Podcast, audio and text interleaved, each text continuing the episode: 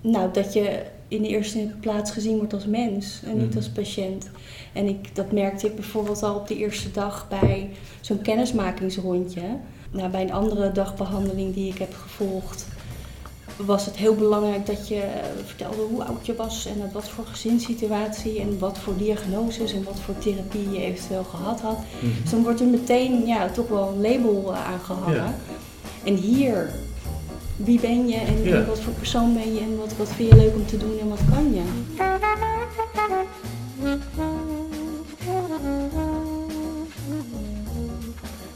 U luistert naar de Therapeut Podcast, een wekelijkse podcast waarin ik, Peter Voortman, openhartige gesprekken voer met therapeuten over hun professie, patiënten en zichzelf.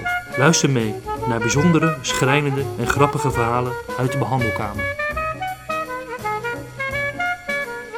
Vandaag ga ik langs bij de Borgstichting in Haarlem, een GGZ-instelling van Lievergoed.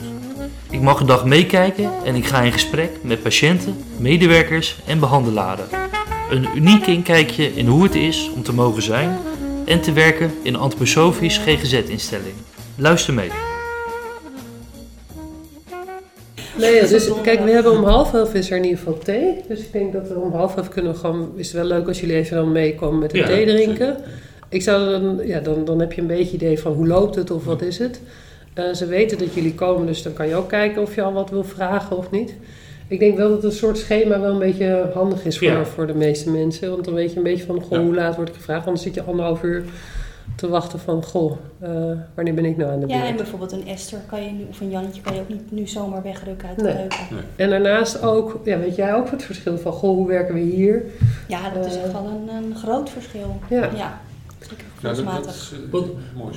want eh, wat is je, jouw rol hier? Ik ben hier eh, teruggevraagd als vrijwilliger. Ja? Ehm, het valt toevallig ook heel mooi samen met mijn eigen reïntegratietraject. Eh, ik werk weer toe naar betaald werk. En hier ehm, ja, ondersteun ik eh, voor zoveel mogelijk administratief, facilitair. Maar tegelijkertijd werk ik dus ook aan mijn eigen ja, werkdoelen, zeg maar. Dus we ondersteunen elkaar in die zin. Eh, zijn je, je, je werkdoelen, eh, volg je hier dan eh, therapie of is gewoon het werken hier op zichzelf, wat zij net vertelde, voor zeg maar, onderdeel zijn van de gemeenschap? Is dat Ja, het- ja, ik volg geen therapie meer. Die Nee. behandeling heb ik hier echt succesvol afgerond. Ja. Ehm, ik volg wel nog ergens anders therapie, schematherapie. Maar dat staat hier dus even los van. Ehm, ja, in het kader van mijn nazorg kan je zeggen. Ja. En ehm, ja, verder is het inderdaad de, de, de werkdoelen die ik voor mezelf gesteld heb. Dat zijn ehm, ja, dingen waar ik op, op een eventuele nieuwe werkplek eh, wel heel erg graag of het dan goed onder de knie wil hebben. En in Mhm. het dagelijks leven zoals omgaan met kritiek en assertiever zijn, dat soort dingen. Dus dat is hier een, een perfecte plek om mee te oefenen, een hele veilige Ja. omgeving. Wat, wat voor werk zoek je? Nou, dat is ook nog even de vraag. Het is eh, voor mij afgelopen drie jaar sinds ik in de ziektewet zit één grote ontdekkingstocht geweest van ja, wat wil ik eigenlijk, wat kan ik en wat is er dan mogelijk. Dus Ja, ik heb daar nu nog niet ehm, je hebt nog geen concreet een heel, nee, nee, geen heel duidelijk beeld van. Maar Ja. ja, ik ontdek steeds meer in mezelf van hé, maar wacht eens even. Dat kan ik ook en dat vind ik ook leuk. Ja, Ja, dus wie weet. Want wat is nou, wil je al, mag ik, wil je al dat ik wat vraag? Want Ja, ik, ben, ik ben heel erg ja. benieuwd, want jij bent, eh, ik weet dat toen ik hier net kwam werken, een jaar geleden, toen ging het hier allemaal veranderen eigenlijk. Heel veel collega's zijn ook weggegaan. Ja. We hebben wel heel erg de sfeer proberen te houden en eigenlijk te vernieuwen en voor te zetten. Maar het grootste deel is hetzelfde. Wat, wat vind jij nou echt anders dan, want je, je zat drie jaar in de ziektewet en je hebt hier, hoe lang ben je hier geweest? Eh, in totaal ben ik, heb ik negen maanden in behandeling gezeten. Maar dat komt ook omdat corona voorbij kwam. Dus Ja. toen lag even, het was hier een tijdje ook gesloten. Dus toen heb ik mijn afscheidsdatum nog wat langer kunnen uitsmeren. Ja. In totaal negen maanden. En wat is hier anders? Wat heb je hier als In vergelijking ervaren? met andere therapieën. Ehm, nou, dat je in, eerste, in de eerste plaats gezien wordt als mens en niet Mhm. als patiënt. En ik, dat merkte ik bijvoorbeeld al op de eerste dag bij zo'n kennismakingsrondje. Ehm, nou, bij een andere dagbehandeling die ik heb gevolgd, was het heel belangrijk dat je eh, vertelde hoe oud je was en uit wat voor gezinssituatie en wat voor diagnoses en wat voor therapie je eventueel gehad had. Mhm. Dus dan wordt er meteen ja, toch wel een label eh, aangehangen. Ja. En hier was dat een stuk relaxter. Was het eerder van, goh, ja, hoe, hoe heet je? En uh, nou, uh, en, en, je wordt wegwijs gemaakt. En het gaat dus helemaal niet zozeer over wat er allemaal mis is. Mm -hmm. Maar wie ben je en, ja. en, wat voor persoon ben je en wat, wat vind je leuk om te doen en wat kan je. Wat, dus als je hier dan voor, voor de eerste keer zo komt, dan... Uh, je, je, ja, je woont hier niet, hier komt, kom je dan een aantal keer per week? Of? Ja, ik uh, was op dinsdag en donderdag de hele dag. Dus dat is een dagbehandeling en dan volg je een, uh, een vast programma. Dus je hebt verschillende werkonderdelen, werkgebieden. En je, je opent de dag samen mm -hmm. en dan um, uh, tref je elkaar ook weer in de huiskamer met uh, de koffiepauze en je lunch samen. Je bereidt de lunch ook samen voor. Weet je? Dus het is wat dat betreft, hoe jij dat zegt, echt wel dat gevoel van een gemeenschap. Van een, nou ja, voor mij uiteindelijk ook wel echt een soort van tweede huis, tweede familie. Ja. Zo op mijn gemak voel ik me. En, en heb je een antroposofische achtergrond? Of? Nee, nee. Ik heb niet op een antroposofische school gezeten, mijn huisarts ook niet. Dus voor mij was het vrij nieuw. En toen het heel slecht met mij ging, um, drie jaar geleden, toen was het mijn stiefmoeder die hier op deze locatie toevallig ook 15 jaar geleden alweer stage heeft gelopen. En die tipte mij daarover. Maar ik stond daar toen nog helemaal niet voor open. Ook omdat ik uh, nog niet zo ver was om voor mezelf hulp te zoeken. Ik deed het eerder om mensen om me heen uh, tevreden te stellen.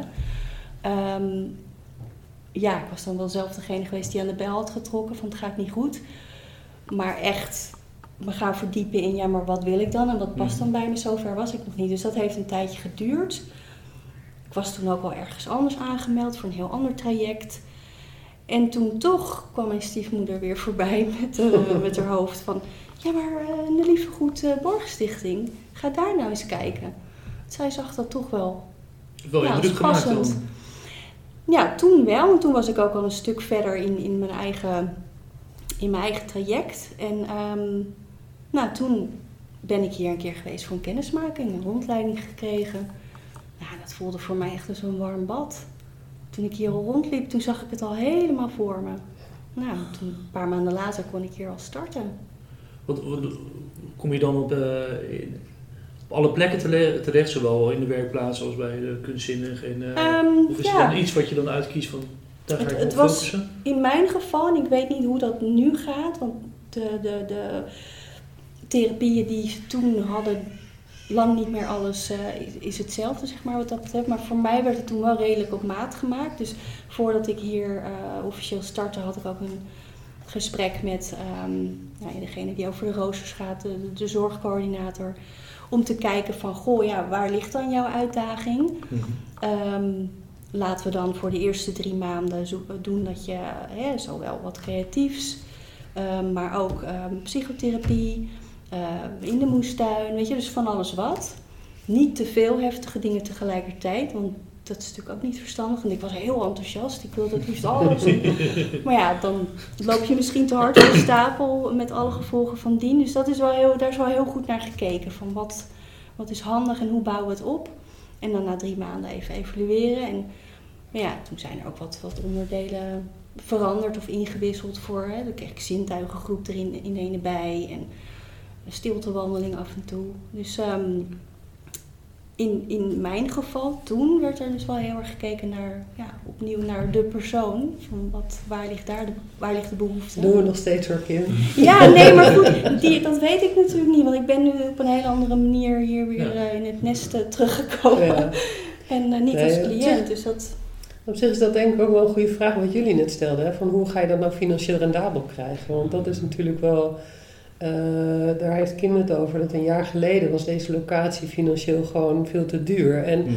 het was echt puur alleen de GGZ, dus alles werd ook bekosten vanuit de GGZ. En als je dan in zo'n groot gebouw zit en er zijn afspraken met zorgverzekeraars, en die zijn er ook wel echt terecht hoor, over hoeveel minuten je kan behandelen, ja, ja dan, dan, dan krijg je discussies over die mag maar drie maanden, die mag maar zo, zoveel maanden. Terwijl ja, de overtuiging zit er, en die vind ik wel leuk dat jij dat ook zegt. Het gaat er uiteindelijk om dat je echt op maat gesneden werk levert. Want dan, uh, nu lijkt het soms, oh we hebben drie maanden, daar stoppen we heel veel therapie in. En daarna dan na drie maanden, dan zijn alle minuten op en dan moet iemand het allemaal hebben gedaan. Ja, maar dan denk je, zo werkt het helemaal niet. Dus ga dan gewoon en op maatwerk of maatwerk leveren. En heel goed kijken van hoe kan je dat dan wel financieel goed doen. Dus wat we nu een jaar geleden hebben gedaan is dat we de WMO ook hier in dit gebouw hebben. En het leuke daarvan is dat ik vind inhoudelijk is het ook gewoon heel erg goed. Dus wat je hebt is dat je zegt, goh, de basis is dat je een soort therapeutische werkgemeenschap hebt. Nou, dat past heel erg ook binnen de antroposofie. Als je dat puur alleen maar bekostigt vanuit de GGZ, ja, dat klopt niet. Maar inhoudelijk is het het ook niet. Want je wil eigenlijk liever dat mensen of starten in de WMO of dat het begint met werk en met gemeenschap. En alleen als dat niet lukt om daarin mee te draaien, dan pas schaal je op naar de GGZ en krijg je stukken behandeling. En het leuke hiervan is dus door die WMO, en we hebben, nou ik ben echt nog steeds heel dankbaar de gemeente Haarlem, dat we zo'n subsidie hebben gekregen. Dat is natuurlijk echt een luxe om en de WMO en de GGZ in één gebouw te hebben. Dus dat betekent ook dat je goed kan opschalen of afschalen. Dus mensen kunnen bijvoorbeeld en eerst in de WMO zitten. Als dat niet lukt, nou, dan kunnen ze een deel behandeling bij ons volgen. En zodra dat weer lukt, dan zitten ze in hetzelfde gebouw. En als iemand dan ontregelt, ja, ik loop er ook rond of andere collega's lopen er ook, dan kan je snel een consult doen. En heel vaak heb je dan ook snel weer iets rechtgetrokken of heb je iets voorkomen. Terwijl als iets niet goed gaat en je staat drie maanden op een wachtlijst, ja, dan gaat het juist mis. Uh, en het mooie is dus, dus, nou ja, goed, dus als je het hebt over wat is nou ideaal, dan zou je eigenlijk de WMO en de GGZ in één gebouw willen hebben. Want de WMO is wetenschappelijke ondersteuning. Wat, wat wordt daar voor hier dan uit gefinancierd? Uh, de werkplaatsen. De dus de keuken die je ziet. Dus de mensen die in de keuken staan, die, worden, die, die zijn op de WMO bij ons. En die mhm. koken dan voor de mensen die voor, voor, uh, de werk, de, voor de werknemers, maar voor de deelnemers. Dus eigenlijk voor iedereen. En we, we lunchen wel gewoon met z'n allen mhm. samen. Dus dan zit iedereen bij elkaar aan tafel voor zowel WMO als de GGZ. En wat we nu binnenkort krijgen is over een jaar, dan komt de WLZ hier ook in één gebouw. En dan denk ik, ja, dan heb je eigenlijk een, ja, het is, het is hoe je de zorg georganiseerd wil hebben. Dus dan heb je en de wet langdurige zorg, dus de mensen die wonen hier.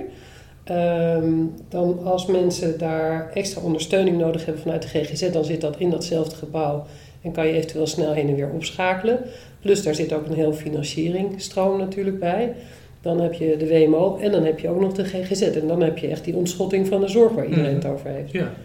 Dus dat is echt heel mooi. Ja. ja. Nou, nou, nou, hoeveel maanden voelde jij van hé, hey, ik, ik, voel me wat rustiger of ik voel me wat prettiger? Nou, ik was daar zelf heel erg verrast over dat ik dat al vrij snel had. En dat was heel erg fijn om te merken, want ik was omdat ik al de hele tijd thuis zat en behoorlijk onder mijn steen was gekropen, ehm, het vertrouwen eigenlijk wel behoorlijk kwijt in, in anderen. Mhm. Dat is heel wantrouwend.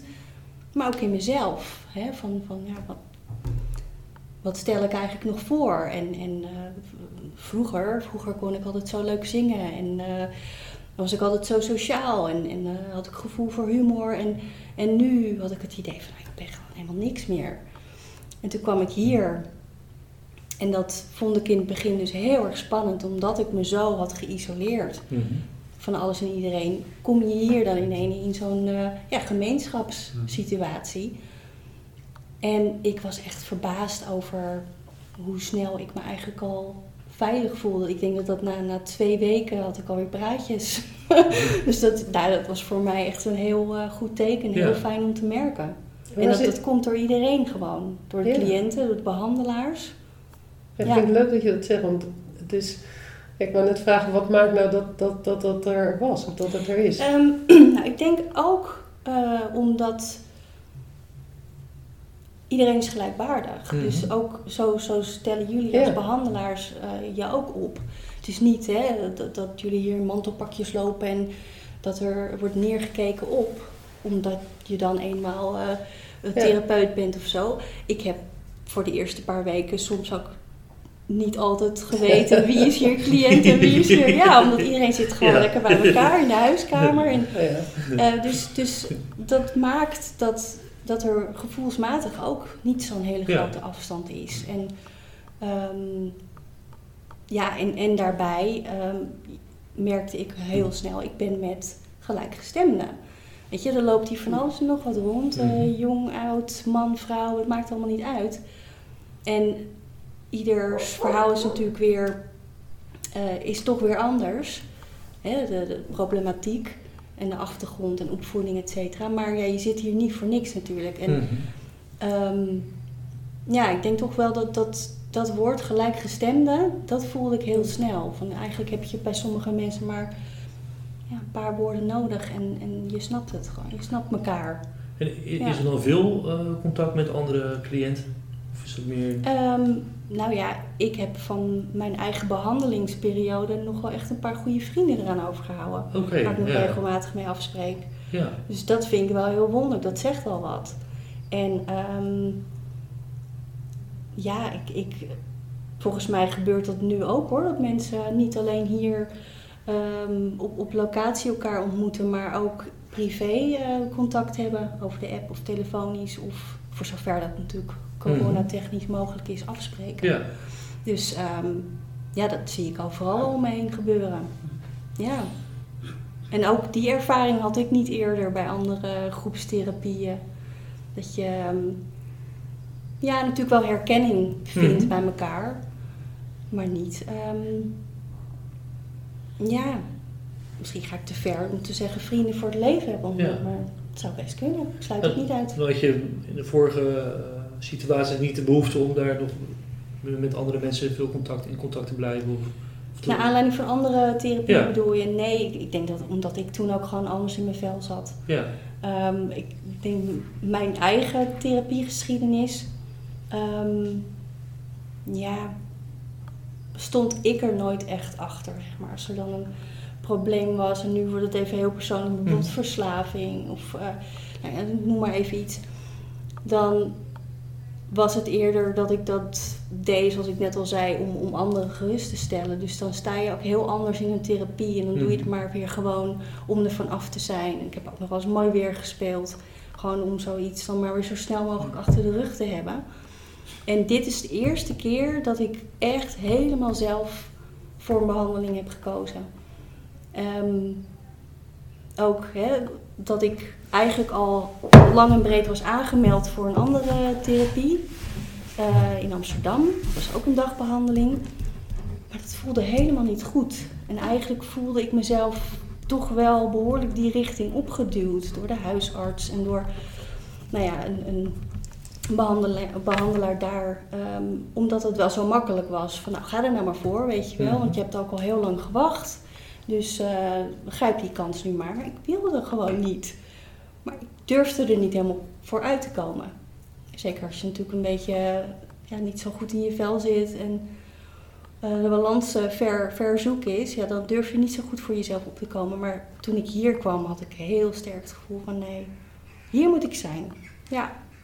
En ik ben er nog steeds heel blij mee. ja. Ja. En nu bij ons als vrijwilliger. Waar we heel blij Ja, mee zijn. blijkbaar heb ik ook een hele goede indruk gemaakt, want ik ben teruggevraagd. Dus eh, ja, dat is een groot En, en heeft er lang tussen gezeten sinds je klaar was met je behandeling en Nee. hier weer terugkomen? valt eigenlijk mee. Ehm 1 juli vorig jaar Mhm. heb ik hier afscheid genomen. En toen zat ik wel al eh, in een reïntegratietraject wat werk betreft. Ik had ergens anders wel een vrijwilligerswerkplek. Ehm, maar dat, dat was het uiteindelijk niet helemaal. Ehm, toch nog negen maanden volgehouden. Ehm, maar op een gegeven moment daar ja, knoop doorgehakt van ja, ik, het werkt gewoon niet voor mij. Ik voel me hier, eh, ik voel me hier niet veilig. En terwijl het om mijn herstel gaat. Dus ik ben daar weggegaan en een week later eh, werd ik gebeld door Pieter. Van, ben jij toevallig nog op zoek naar een vrijwilligersplek? Dus dat kwam, nou dat heeft zo moeten zijn, denk Ja, ik. dat denk ik ook. Nee, kijk, en het mooie is dat Kim, jij zit bij Rhodes. En Ja. Rhodes, dat is een, eh, een, een grote organisatie in Amsterdam en de omstreken. En die zijn heel erg bezig met reïntegratie naar werk. En ook gewoon, ja, iedereen heeft behoefte aan zingeving. En Ja. Ehm, ja, je moet er- wel ergens voor je bed willen, uit willen komen en je wilt er ergens voor gaan doen. En wij gaan nu ook weer samenwerken met Rhodes, daar zijn we mee bezig. Zodat ja, mensen hier in behandeling zijn en je hebt hier natuurlijk een hele veilige werkplek. Maar, of een veilige plek, maar het is ook de bedoeling dat je op een gegeven moment weer gaat kijken van... hé, hey, hoe ga je dat weer buiten de Boorstichting Mhm. doen? Dus dat is de volgende stap die we willen gaan Ja. maken. Ah ja, en wat ik wel leuk vind, wat Kim ook zegt, hè, en daar sturen we ook wel op hoor. Ehm, kijk, hoe je het ook wendt of verkeerd... eh, ik denk wel soms bij de GGZ is het steeds meer geworden dat wij zijn de kundigen vanuit de GGZ en wij gaan u, de patiënt, vertellen wat u moet doen om beter te worden. Mhm. Terwijl ik denk, ja, Je hebt allereerst echt heel erg zelf moet je dat besluit maken van eh, ik wil beter worden. En dan vind ik het aan de GGZ of aan ons, zeg maar, om samen met de mensen die hier komen te denken van hoe gaan we jou daarin ondersteunen. En dat is echt een andere visie. Anders is het u, u heeft een klacht en wij moeten u helpen. En anders is het zo van hé, maar jij wil herstellen. En wat kunnen wij doen om jou daar zo goed mogelijk in te ondersteunen. En dat is echt toch een andere visie. En dat is veel gelijkwaardiger en veel meer samen. En maar ik ben heel blij dat je dat ook noemt. Want ik vind, Ja, het, zo, ja, zo is ik het vind het ook gewoon heel erg belangrijk dat dat... eh, en het leuke vind ik, want ik bedoel, ik heb natuurlijk als behandelaar ook wel eens bij mindere weken. Dus ik had twee weken geleden ook wel een dip.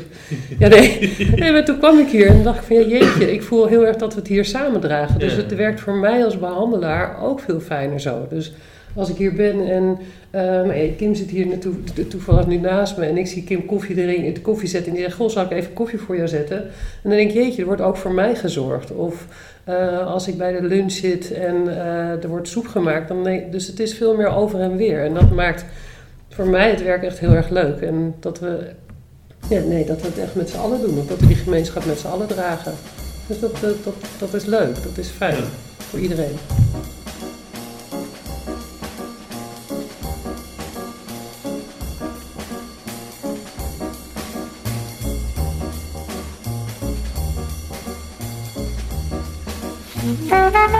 Nou,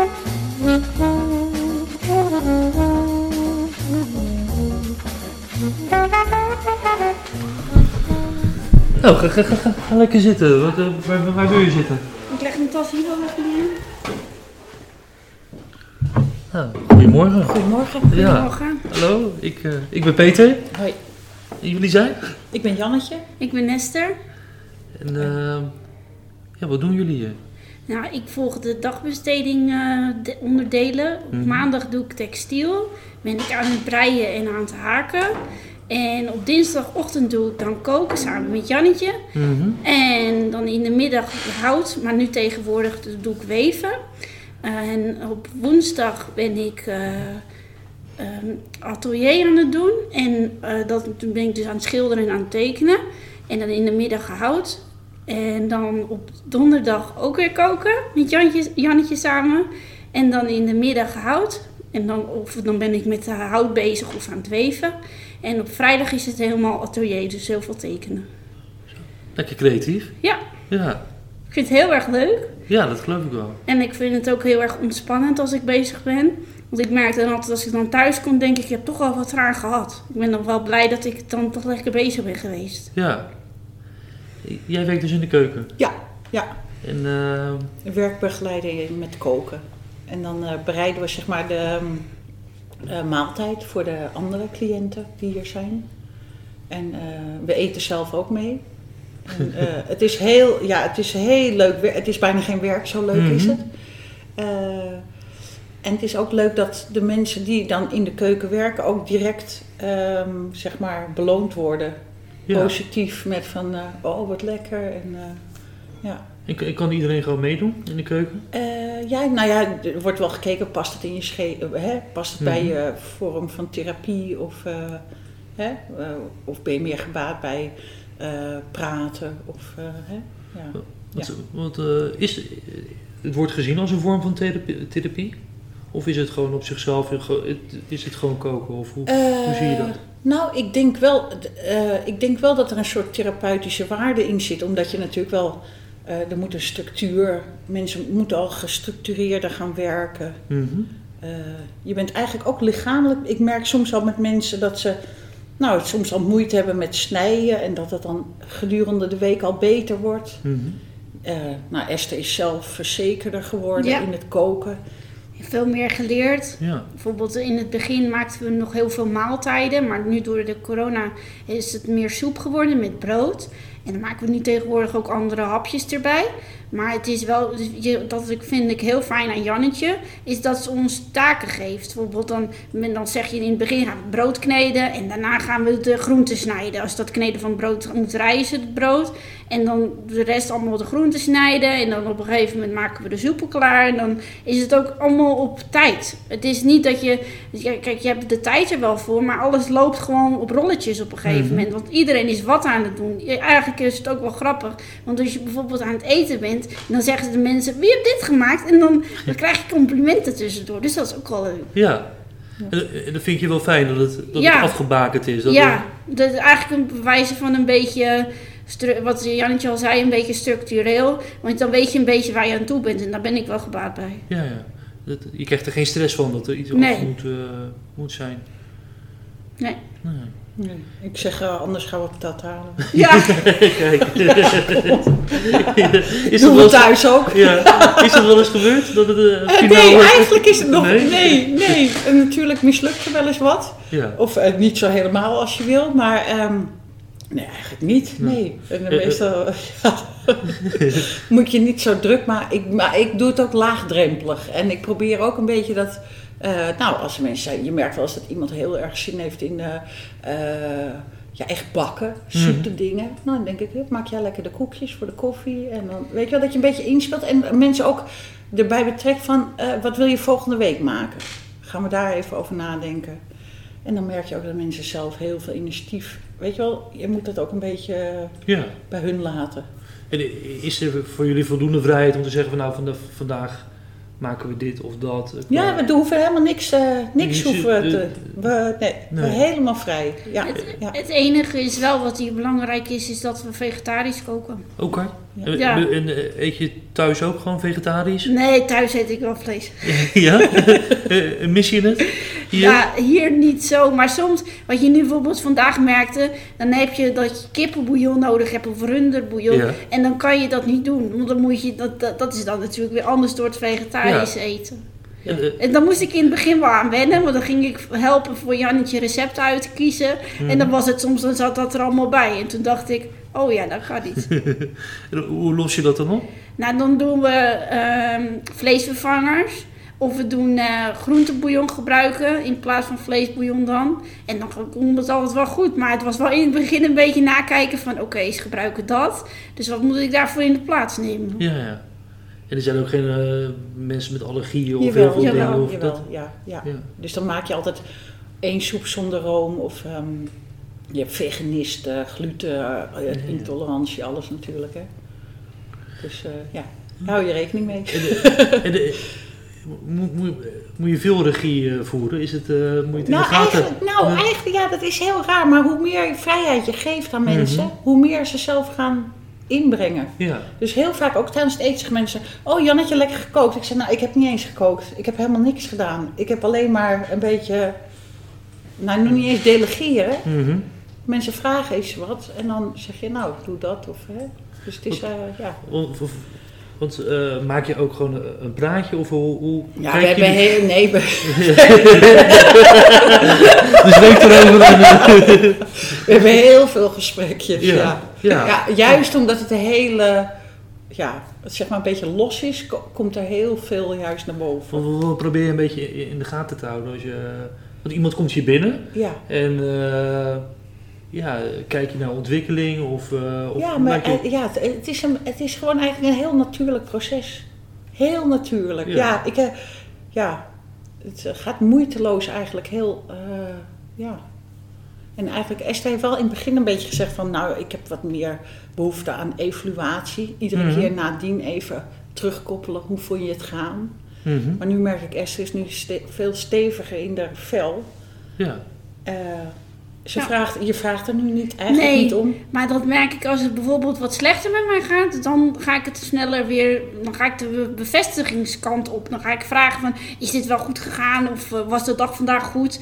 Maar ja, nu denk ik, ik heb eh, gezellig gekletst, ik ben lekker bezig geweest, iedereen vond het lekker. Dus dan vind ik het ook gewoon fijn. Dan Ja. denk ik, dan heb ik gewoon mijn best gedaan en meer kan je niet doen. Want als je niet lekker in je vel zit, dan ga je twijfelen. Of... Ja, dan ga ik heel snel. Dan ga ik een beetje. Als we dan aan het koken zijn of we zijn eh, aan het bakken of eh, noem maar op. Dan, dan denk ik. Ben ik wel goed bezig? Ben ik wel goed op weg? En dan vraag ik het. En dan zegt Jannetje vaak: Je weet het wel. En dan schiet ik zelf in de stress. Want dan denk ik: Dat moet ik niet hebben dat het gebeurt. Maar dan gebeurt het bij mij een beetje automatisch. Dus ja, dan ga ik het wel sneller doen. Maar nu heb ik het echt een stuk minder. Want vandaag bijvoorbeeld gingen we brood kneden en ik was bezig. En toen moet altijd een soort vel ontstaan om te zien of het goed Mhm. is. En toen zei ik tegen Jannetje, nu is hij goed hè? Toen had ik gelijk. Dus dan sta ik wat sterker. Ja. ja. Wat vind je het leukste om te maken? Ja, toch ook wel de broden. Mhm. Want we zijn nu beter op weg. Want eerst hadden we een beetje harde broden, nu wordt het een beetje zachter. En toch ook nu wel die extra hapjes die we maken. Vorige keer was het een quiche. En nu is het ehm currypastijhapjes. Dus dat is wel leuk. En, en als je dan thuis komt, heb je dan ook nog wel eens zin om te koken? Of ben je dan wel, eh, is dan wel weer leuk geweest? Nou, dat verschilt. Nu, eh, omdat we in het begin maakten we maaltijden voor de corona. Mhm. En toen had ik thuis vaak niet zo'n trek meer. Maar nu is het door de soepen die we dan maken, dan eet ik thuis gewoon ook nog warm. En dan help ik mijn vader gewoon met koken. En, eh, even kijken, je, bent je bent hier best wel in totaal vier of vijf dagen? Vijf dagen. Vijf dagen. Dat komt omdat ik officieel eh, eigenlijk hier al hoor te wonen. Maar bij de Laan van Berlijn voor Liefdegoed, Mhm. mm, voor beschermd wonen. Maar ik sta nog steeds op de wachtlijst op nummer 2. Maar het is niet in zicht erop wanneer ik er kom te wonen. Want eerst dachten ze, we gaan eh, dat zorgen dat je zo rond januari er kan komen. Dat zeiden ze rond de feestdagen. En gisteren heb ik gehoord, reken er maar op dat het langer duurt. Dus ik baal er wel een beetje van. Je, je wil hier graag wonen? Of? Ja, ik ben 23, dus dan wil je wel graag een beetje op jezelf wonen. Ja, ja want dan krijg je je eigen, eigen kamertje. En, Ja, eh, je krijgt een eigen keuken, badkamer, slaapkamer en woonkamer. Zo'n Ja, appartement. Ja. Eh, ja. wat mooi.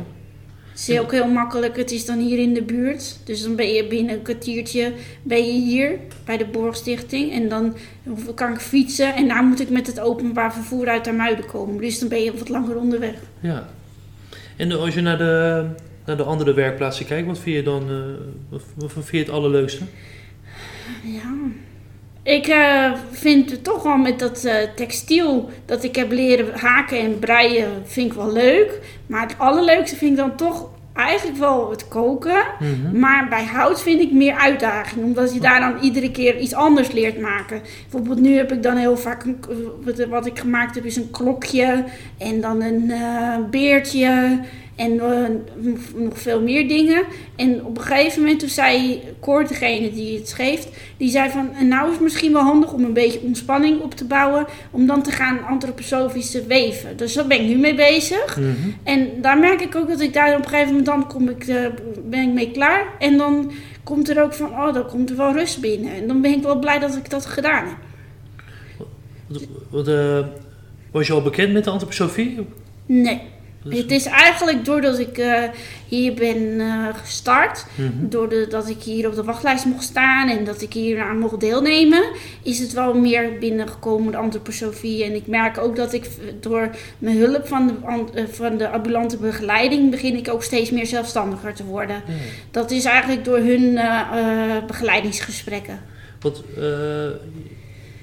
zat je hiervoor ergens anders? Of, eh, nee, ik ging of- met, gewoon naar school. Mhm. En toen op een gegeven moment, toen had ik mijn diploma gehaald. En toen zei een behandelaar tegen mij, is het niks voor jou om op een eh, lijst te staan voor beschermd wonen? En toen kwam iemand voor een beschikking. En toen is dat allemaal gaan lopen.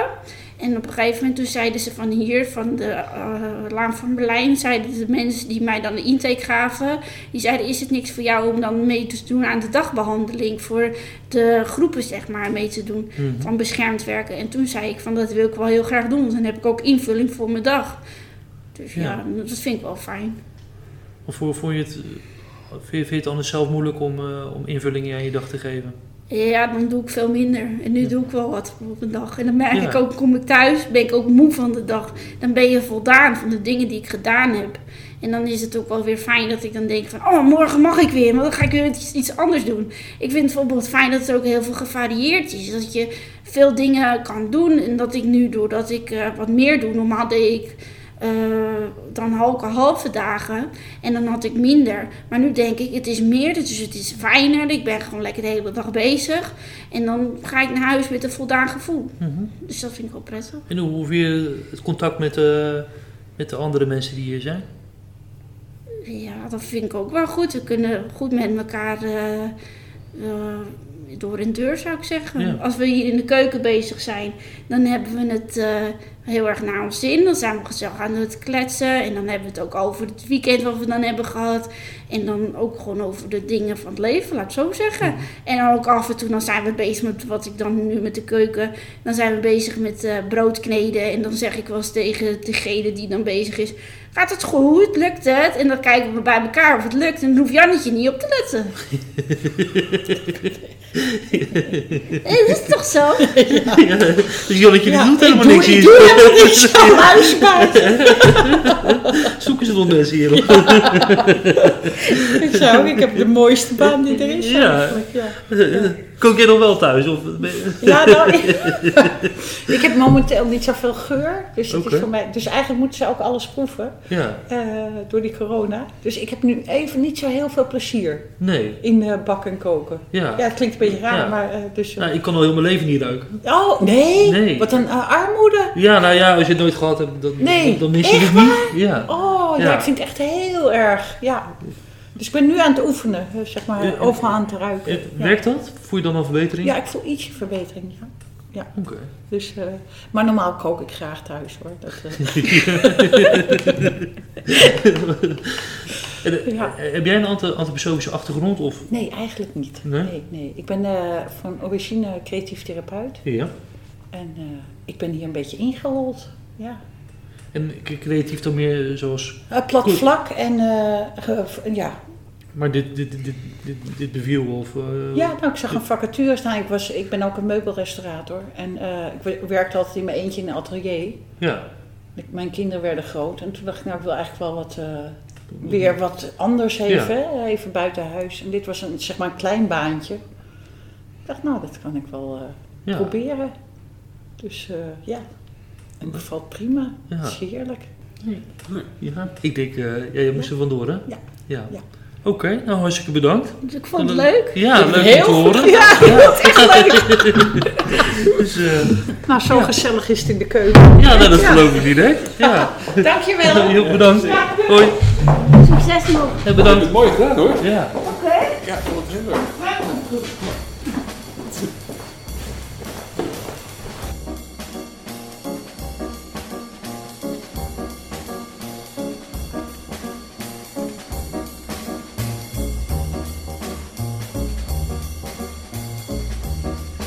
Hoi,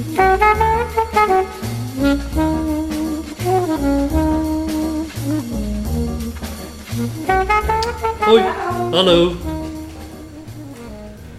Hi, Hi. Christine. Nou, hallo, goedemorgen. Ehm, ja, wat doen jullie hier? Ik denk dat het een eh, intensievere manier is in de tijd die het in beslag neemt Ja. om eh, te werken aan bepaalde dingen. Mhm.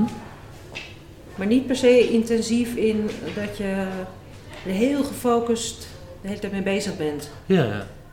Dus het is wel, eh, het is natuurlijk anders dan een uurtje in de week ergens met iemand alleen maar praten. Mhm.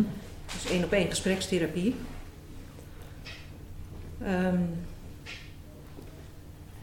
maar het is intensiever omdat het gewoon eh, in de duur Ja. Ja. Maar de- dan de hele dag hier en bent. het is meer op een soort van latente manier dat je daar, daarmee bezig bent. Ja, dat denk ik. Ja. Ja, wat was de vraag nog? En, eh, ja, ik weet bijvoorbeeld niet of jullie eh, eh, hier werken of hier eh, cliënten Oh, zo. zijn. Oh, oh, nee, maar dat maakt helemaal ja. niet uit. Maar gewoon, dus als Nee, ik... eh, ehm, Ja, ja. Ik ben hier cliënt. Je bent die Cliënt, cliënt. ja, eh, ik ben patiënt. Ja, ja, oké. Een patiënt, maar ook. Patiënt. Ja, Oké. De cliënt. Deelnemer. De zorgverzekering Medewerker. betaalt. Ja.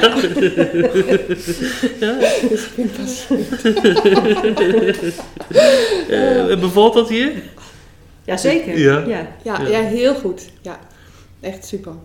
Ben je, ben je al lang hier? Ik ben eh, hier sinds eh, eind oktober. Mhm. En ik was dat eigenlijk bij mijn eh, psychiater in Amsterdam, die Mhm. hier ook behandelaar is, sinds kort. En toen ging het zo slecht. Ik had om de paar weken bij hem, hij is best wel druk, om de drie, vier weken bij hem therapie. Eén sessie individuele therapie.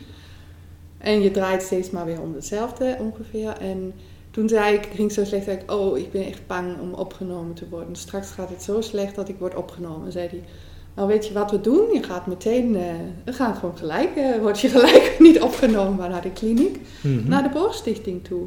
Kijk nou wat dat is. En toen kwam ik hierheen. En het was echt meteen raak. Het was perfect. Omdat ik niet kan echt opgenomen worden, omdat ik drie kinderen heb thuis, Mhm. kleine, die ik moet verzorgen. Ja. Ongeveer alleen. En, ehm, maar individuele sessie één keer in de vier weken was ook te weinig, of het was echt niet genoeg dan. Hè? En dit hier is echt, een, eh, je bent hier gewoon wat intenser. Mhm. Eh, zonder dat je van s ochtends 9 tot 's middags om 4 alleen maar over jouw individueel probleem praat. En dat is de clue. En dat vind ik dat, dat echt de meerwaarde hieraan. Dat je ook in de omgang met de ander, en mijn psychiater zei ook, en al doe je niets, dan drink je een beetje koffie en ga je een beetje mediteren en een beetje kijken en een beetje met de anderen kletsen. En kijk maar. En, En dat, dat, that's it. dat werkt. Ja, En, en hoeveel dagen eh, in de week? Of, ik eh, ben nu twee dagen hier. En jij? Ik ben er nu één dag, maar ik hoop twee dagen te kunnen komen. En, want is er op dit moment nog geen ruimte voor twee dagen? Of, Nou, het, is, eh, het was meer een praktische oorzaak dat ik eerst maar één dag kwam. Mhm. Maar nu alles eh, in de lockdown, Oh ja, ja. alle, vallen er heel veel andere dingen weg die mij ook heel erg goed helpen. Dus dan wil ik graag hier nog een extra dag komen. Ja.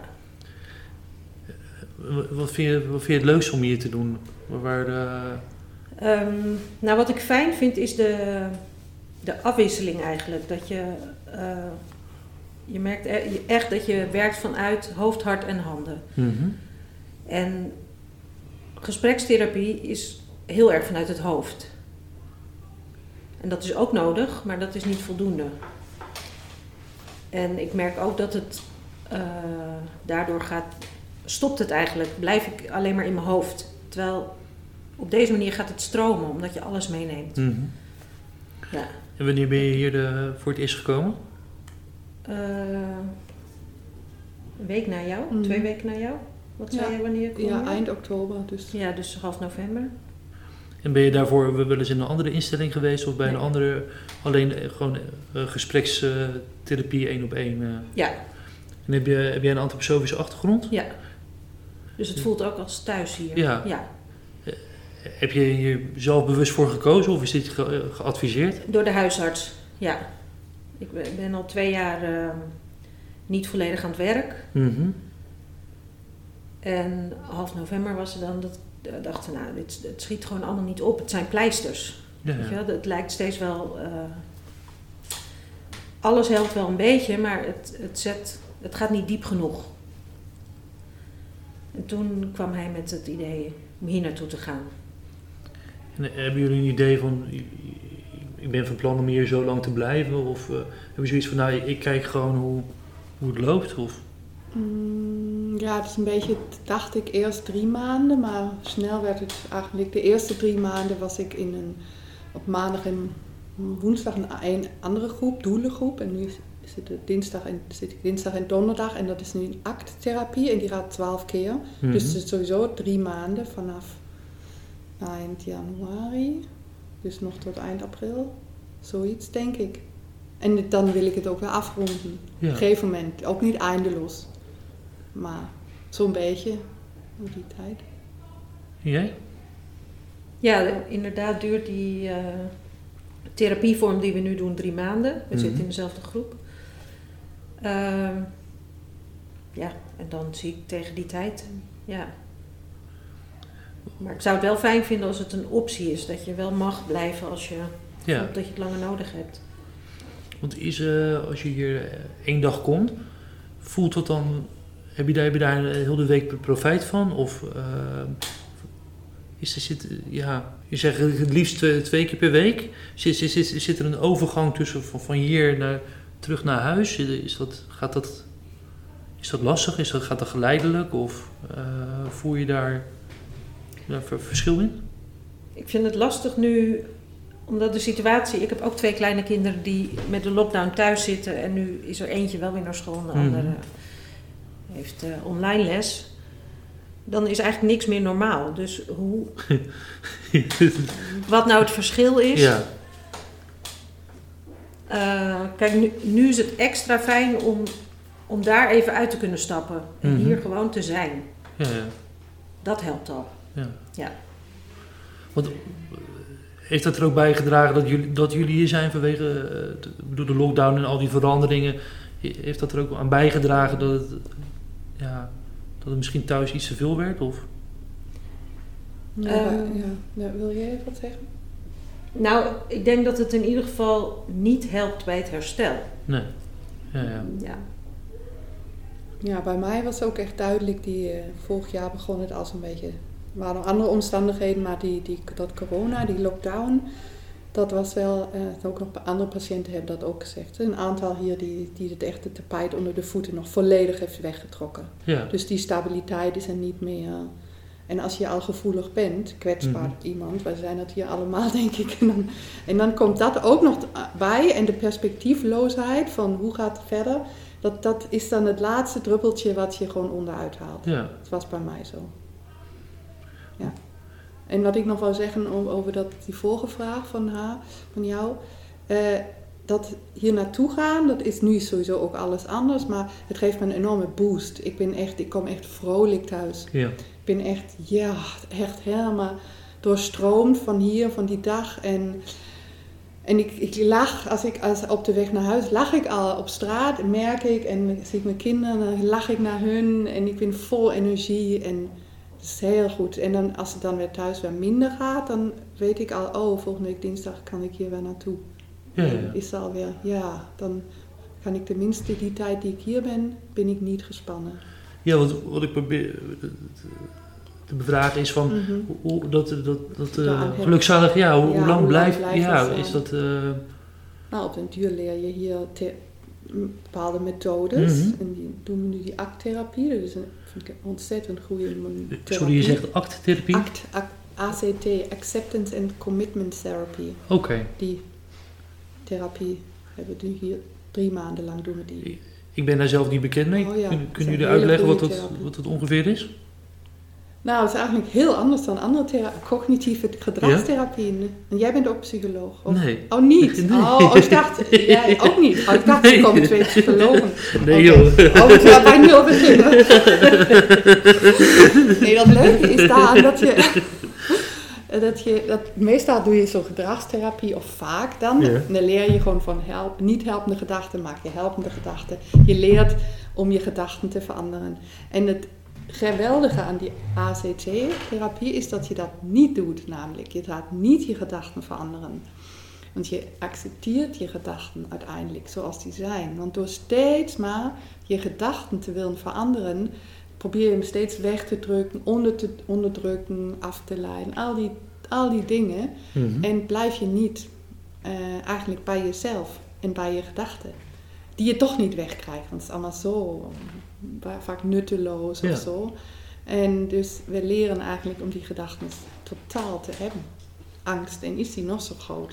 En dat is een soort En dat van is ook geweldig, meditatief. eh, Ja, ook. Er zijn dan technieken om die eh, gedachten, die, die er wel zijn, en een radio, die moet je wel een beetje aanzetten aan de voorkant. Dan zet je een beetje de, de volumeknop aan, dus je gedachten draai je een beetje om. eh, je, je gevoelens, de angst, hè, draai je een beetje omhoog. Aan de achterkant zit de bereidheidsknop. Dus dat is om het toe te laten ook. Die draai een klein beetje omhoog. Zo een beetje oefenen en spelen. En meditatief ehm, in het moment te zijn, hier en nu. ja. En, en door dat te leren eh, en je niet te laten overheersen door je gedachten en te leren te kijken naar je gedachten. En dus die gedachten er te laten zijn. En want de gedachte is een gedachte. De gedachte is nog lang geen werkelijkheid. Mhm. En ja, dat is eigenlijk zo'n geweldig besef. Ik was altijd bang voor mijn gedachten. Oké, ja. Hoe erg zou dat allemaal worden? Hoe groot zou die angst nou kunnen worden? Maar die angst, dit is alleen zijn gedachten. En dit is nog lang niet, ik zit hier op een stoel en alles is super veilig en leuk. En mensen en iedereen lacht je toe en niks is eng. Mhm. Nou, oh, een beetje, dat is een beetje de achtergrond Ja, waarom ik zo ja. enthousiast ben Eh, over, eh, heb, over je, dat. heb je daar ook profijt van? Ja, ik moet zeggen, ik vind dit een hele lastige vraag. Oké. Ehm, een van de dingen die niet zo goed werkte bij mij is eh, geheugen en concentratie. En ik kan nu niet die vraag goed beantwoorden. Dus mijn hoofd werkt gewoon niet goed. Oké. Ja. Ja. Ik moet het er dan bij pakken en even lezen van, om het te kunnen uitleggen. Maar ik heb niet zo dat ik het even kan uitleggen. Ja, nee, nee. Want eh, zijn er dan dingen waar, waar jij, je zegt in de, eh, in de afwisseling, je heel erg fijn. Ehm, is dat dan dat je ergens mee bezig bent en dat, eh, dat je op die manier... Ja, de afwisseling in de dag, dat eh, s ochtends hebben we, nou we beginnen samen de dag met een spreuk.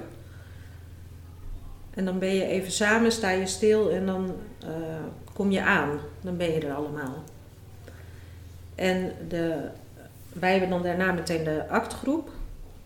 Die begint altijd met een mindfulness oefening. Dus met een meditatieachtige oefening Mhm. om je helemaal in het hier en nu te brengen. Ehm, wat was je vraag ook weer? Nou, gewoon Oh, de meer- afwisseling.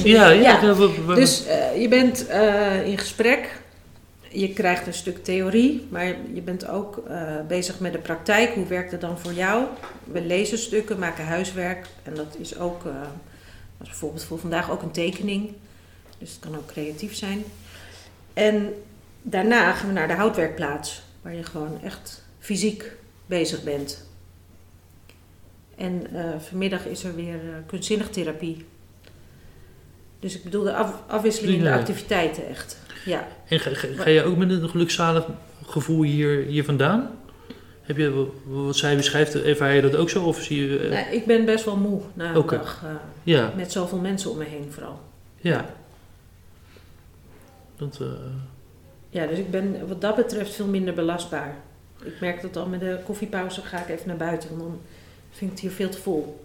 ja, Ja. Ga je wel met plezier hier naartoe? Of moet Je, Zeker. ja? ja. dat, eh, dat vind je niet lastig? Nee. Nee, en het is ook allemaal goed. Je hoeft ook niet mee te doen met gezellig bij de koffiekletsen of zo. Ja, er is Dus onderling zo geen, ik dat eh, niet. Dat ik, is geen druk of... nee. nee. En, en zijn jullie bezig met van... eh, op een- ja, met, met op een dag weer gaan werken? Of eh, zit, zit, speelt, speelt dat mee? Of dat je, dat je denkt van nou, ik eh, pro- probeer mezelf hier voor te bereiden op hoe het weer is om met collega's om te gaan of met... Ja, toevallig eh, Mhm. hadden we het er vorige week over met in de houtwerkplaats. Mhm. Ehm, de, noemen we hier gewoon namen en zo, of juist niet? Eh, Knip je dingen eruit? Nou, als je het dus bij de... oh, de- A, B, C. Ik weet niet of- misschien gewoon de voornamen. Ja. Nou goed, ik had het met Cor van de houtwerkplaats, eh, omdat ik nog niet zo lang daar ben. Eh, die vroeg van waarom ik hier eigenlijk was. En toen, ik had een vraag over waarom we eigenlijk met hout werken. Wat is het therapeutisch Mhm. idee daarachter? Ehm, omdat ik merk dat ook door het werken word je geconfronteerd met hoe je werkt. En hij zei, je moet dit niet zien als een werkplaats, maar als een leerplaats. Je leert dus ook hoe je werkt. Ja. Bij mij gaat het altijd zoveel mogelijk om de productie. Dus ik wil zoveel mogelijk dingen maken Mhm. in die korte tijd die ik dan heb. Totaal voorbijgaand aan grenzen van, nou ja, elke mogelijke grens. Ja, ja. Ja, want dat is hoe ik werk. En dat gaat dus niet goed. Dus daarom ben ik hier. Ja. Dus daar kan ik leren. Ja, Ja. Hij zegt echt, zet een alarm op je telefoon. Na een half uur ga je even naar buiten. Mhm. Even pauzeren. Dus je leert ook anders naar je werk kijken en met het werk bezig zijn. Dat vind ik wel bijzonder, dat je denkt dat je gewoon eh, iets aan het maken bent. Maar Mhm. ondertussen ben je ook op een heel ander niveau toch dingen aan het leren over eh, wie jij bent en hoe je werkt. En hoe Mhm. je in het werk staat. Ja. Hoe je in het leven staat. Ja, ik heb het ook. eh, nou, ik werk nog steeds. Ik heb een eigen bedrijf. En ik probeer die ernaast, dus op die één of twee vrije dagen in de week, nog door te runnen, een beetje. Maar ik leer hier ook te werken. En op een heel andere manier, want ik werk veel te hard. En Mhm. dan stort ik in. Ik werk weer super hard en stort ik weer in. Steeds dat. En hier leer ik ehm, ook met die pauzes, verplichte pauze en zo, om ook nog in balans te blijven tijdens het werken. En daardoor heb ik eigenlijk dan voor later, hoop ik dat ik een beetje leer om gematigder, meer ritmisch en zo te weer aan, het werk te gaan op een gezonde manier. Ja. We praten niet alleen over de problemen, juist niet. Dat is juist het, Mhm. wat zo goed werkt hier. Maar we, zijn, we doen eigenlijk nabootsen, werksituatie. En dan in de hout of in textiel. Maar dan wel gezond. Met Ja. aanleiding, met pauzes. Met eh, ja, wel focus, concentratie. En dan merk je dat je gewoon ook ben je maar anderhalf uur aan het werk. Maar als je die anderhalf uur gefocust aan het werk bent. En daarvoor en daarna een koffie drinkt, dan heb je veel meer gedaan dan als je thuis bijvoorbeeld een hele dag aan het werk bent. Super gesloopt aan het eind, maar zonder concentratie en zonder focus. Ja. Dus dat is eigenlijk mooi om mee te maken. En ik merk dat ik hier, dat ik in tijd minder moet doen. Hè? In, in hoeveelheid tijd. En dat ik te veel heb Dus gedaan. je over, normaal Overbelast. overvraagt, overvraagt Overvraagd, je ja. jezelf. Veel beter voel. eh, veel beter mezelf blijf als ik minder doe. Dat leer ik hier. Maar ik heb niet zo zelf, jij het anders meer. Je moet, ja, nou ja, nu zijn we ook iets aan het uitproberen. Maar ik probeer dus ernaast nog een beetje te werken. En lukt dat? Ja, het is veel. Ja. Het is eigenlijk, nou, te veel. Het lukt een beetje, ja. Mhm. Mhm. Als je gewoon de, de complete vrijheid zou hebben zonder de, zeg maar, de, ehm, de zorg voor kinderen of werk of iets anders, zou je dan nu liefst hier vijf dagen per week zijn? Ja. Ja? Zou, zou, je- zou je voor kiezen? Heb je heb je het gevoel dat dat, zou eigenlijk nodig zijn? Of- Ja, ik dat- heb, eh, ik heb heel veel spanning en stress in mijn lichaam. En Mhm. hier kan ik rustig zijn. Dus volgens mij alleen al fysiek, dat, dat mijn lichaam merkt van, oh ja, dat kan ook. Mhm. Dit is ook een, een goede manier van zijn. Nou, elk, elk moment dat ik niet zo gespannen ben, is al beter. Denk ik. Dus hoe meer ik ontspannen kan zijn, dat helpt ook door de week heen. Ja, Ja. wa- want waar, waar ik het net over had, wat ik normaal gesproken ga ik naar een yoga studio Mhm. als kinderen op school zijn 's ochtends. En dat helpt me door de dag. Dan ben ik gefocust tot rust. Ik zie dat ook als therapie. Maar dat valt nu weg. Ja. Plus de kinderen zijn thuis. Ja. en dat helpt dan allemaal niet. Want dan Nee. heb ik eigenlijk die momenten niet meer. Dat ik even bij mezelf kan zijn. En leer je nu wel om dat ook eh, zelfstandig te kunnen? Dus zo- zonder yoga, zonder therapie of... Ja, dat, maar dat begint met bewustwording Ja. dat je dat dus niet, dat ik die tijd niet neem voor mezelf. Terwijl dat elk moment van de dag kan je heel even drie keer op je ademhaling letten of zo. Ja. Eh, k- Krijg je ook last van, de, van, van fysieke klachten als je zo eh, moeite hebt met, met eh, tot rust komen? ja, meteen. Ja. Ja? Ja, want wa- wat er gebeurt als ik erg gespannen ben, is. ehm, eh, ik voel dat mijn hart sneller gaat kloppen. Ik ben echt gespannen van mijn vingers tot mijn teen, dus ik voel die spanning in mijn lijf. Als er iets gebeurt, zeg maar, het evenwicht is vrij eh, precair, maar zodra ik uit die balans word getrokken en te veel stress heb ergens van, zitten meteen mijn nek, mijn schouders vast, mijn kaak. Eh, ik ga hoog in mijn ademhaling. Nou ja, dat soort dingen. Dus Ja. ik merk het meteen fysiek. Ja. Heb jij dat ook? Ja, ik merk het ook. Ja, en wat, eh, wat jij zei ook, dat wat, wat we hier leren is dat, eh, dat die tijd even nemen. Ehm, en dat eh, lukt dus hier wel. En het rare is dat nu, tot nu toe dat het thuis eigenlijk niet lukte. Dus die Mhm. bewustwording van hoe noodzakelijk het is om ook die tijd te nemen. Eh, ook heb je dat allemaal niet. Hè? niet Ja. meer, kom je hier niet meer naartoe, ga je niet naar yoga. En maar het is toch zo noodzakelijk. Als, sommige mensen hebben dat niet nodig misschien, maar wij dus allemaal wel. Ehm, dus dat wil ik ook nog in die tijd die ik hier ben, hier leren. Dat ik dat kan meenemen naar huis. Ja. En dat fysisch, die lichamelijke symptomen heb ik ook op een andere manier. Ja, heb ik ook angstsymptomen. En echt paniek. Gewoon tinteling in de vingers dat er omhoog gaat. Tot, tot vo- volledige stijfheid en verlamdheid van vingertoppen en voeten. Dat is bij mij de reactie. En- Verlamdheid dan. En is, is jullie, vindt jullie thuissituatie het helemaal prima dat, dat, dat, dat, eh, dat jullie eh, hier zijn? Dat jullie, ja, dat, eh, Ja, ik heb drie kinderen die weten hebben niet veel. Ik heb geen partner of zo. Ik heb, eh, die Nee. snappen niet helemaal, helemaal wat ik eigenlijk zo al doe. Maar die- mama gaat naar Haarlem. Hm, Oké. ja, Ja, ik hoor meer van als het je goed doet, Ja. super dat je dat doet. ja, Ja, Ja, ja, ja, ja, dat- zeker. ze zien, Los van wat Ja. het is. Of Misschien zien zij ook dat, eh, dat, dat, dat, dat, het voordeel heeft, dat het profijt heeft om, Ja. hier, eh, om hier te komen.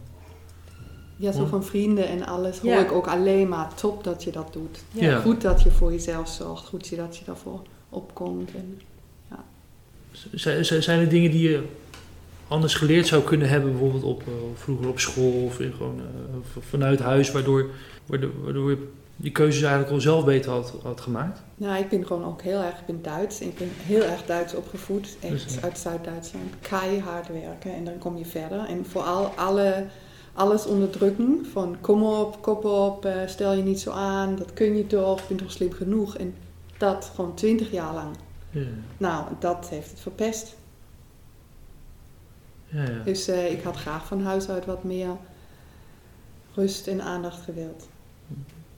En nu in Nederland leer ik het een beetje af. Nederlanders zijn een stuk relaxer dan Ja, Duitsers. ja, ja joh, ja. Ga nooit meer naar terug. nee. Ja, echt waar. Ja. Ja, ik kom echt uit die Zuid-Duitse mentaliteit van schaffen, schaffen, huisje bouwen. Dat je denkt, als je hard genoeg werkt, krijg je huis wel Ja. gebouwd en zo. Ja. Terwijl wij dat over Nederland toch ook zeggen. Ja, maar jij, grappigerwijs, kom jij ook uit zo'n hardwerkend eh, Ja, gezin, hè? Dus niet uit zo'n heel lossig Nederlands gezin van, ah, kom goed en zo. zo. ik ken ook niet veel van die gezinnen hoor. Nee, maar dat is dat jij dat verschil zo groot. Ja, Ja? ik denk altijd dat, dat protestantse, eh, Calvinistisch hard werken, soberheid, dat, dat schrijven wij ook altijd toe aan de. Nederlandse cultuur, toch? Ja, En dan misschien Ja. de Brabant-Limburg wat minder, ja, Ja. meer Bourgondisch Ja. nog, maar Noord-Holland. ja. ja. Maar ik vind Nee, het, toch? Ja, Ik weet het verschil niet zo. maar bij die soort nog te- terug van, had ik dat eerder in andere, ik heb veel, heel veel andere therapievormen Mhm. gehad. En ik was ook al twee keer echt in de kliniek opgenomen. Eén keer een half jaar, één keer drie maanden. En dat liep heel anders. En dit is echt veel beter, vind ik. Betere eh, theorie achter en betere soorten therapieën. Een betere combinatie van het geheel en hoofd, hart en handen, wat jij zei. Het was tot nog toe vooral gefocust op, op, het cognitieve. En dat is een heel stuk minder. Dit is gewoon een werkt holistische... veel beter. Holistisch, ja. Het werkt toch beter. Het hangt ervan misschien af van hoe, hoe je in elkaar zit. Maar ik heb er niet veel aan gehad aan, aan alleen maar hier mijn hoofd te gebruiken. Mhm. Zou je nog iets missen voor, voor, qua eh, misschien lichamelijke beweging of, eh, of jullie doen eurythmie of Nee, nee? Eh, ik zou wel nou, een beetje wel. Want ik doe ook de dinsdag. Mhm. En ik doe zintuigentherapie. En dat gaat soms... En daar is nu sinds kort ook een eurythmietherapeute. Die Mhm. doet mee. Aan de, en die, daar hebben we afgelopen dinsdag hebben we ook eurythmie gedaan. Met stokken en bewegen en zo. Dus Dat ik vind dat zit er al in. Ja, ja. Een beetje. Dan hangt er vanaf op welke dagen je hier komt. Hè. Je hebt elke dag een ander programma. Oké. Nog veel meer kan ik me bijna niet voorstellen. wandelen kan je nog doen. Ja, Ja. kun je ook nog. Nu is er bijvoorbeeld Ja. ook een stiltewandeling Ja. bezig. Een stiltewandeling. Dan, Ja. de, de- Een niet om te kletsen wandeling. ja, ja. Ja. er zijn al heel veel soorten therapieën, hè, wat je maar Ja. wilt. Eh, Loop je wel zo'n wandeling? Nou, ik ga altijd liever in het hout, want ik moet natuurlijk Eh, eh, ja. productie maken. Mijn beertjes moeten Ja. af. Ja. Oh ja, Dat vind ik ja. echt zonde van mijn tijd. Terwijl ik dan wel Ja. bedenk Ja. van het is misschien beter Ja. voor me. Ja, maar dat is de, de zonde van de tijd. We moeten daarvan af. Ja. Ik Ja. doe nu niks, gewoon anderhalf uur lang. Ja. Ja, zonde van de tijd. Vanaf moet Ja, ik dat dat is- leren. Je Ja, niet helemaal te trillen op de stoel, want ik moet weg hier. Eh. Nou, dat had jij wel gezegd van is dat gesprek tijdens Oh ja, tijdens gaat er van mijn therapietijd af. Ja. Volgende week zei ze, nee, dat is in de lunchpauze. Oké, dan is het goed. Ja. Oké. Nu gaat het toch van de therapietijd af. Maar zelfs dat laat ik nu los. nou, ben jij heel ver gekomen. ja, ik wilde plastic gaan zagen, dat mag niet. Ja, dat is een nadeel. Dat is erg antroposofisch. Ja, ja, ja, De ja, die, die, ik wil echt heel, ik maak mooie dingen. Nou ja, en dus niet eenmaal dat materiaal plastic. Niet dat ik een soort plastic gek ben, maar dat mag nu niet, omdat het misschien schadelijker is voor je gezondheid Mm. als je dat zaagt. Maar echt, auto's zijn veel schadelijker of zo. Maar, maar goed, het is antroposofie. Hartstikke bedankt, allebei. Jo. Ja. Graag gedaan.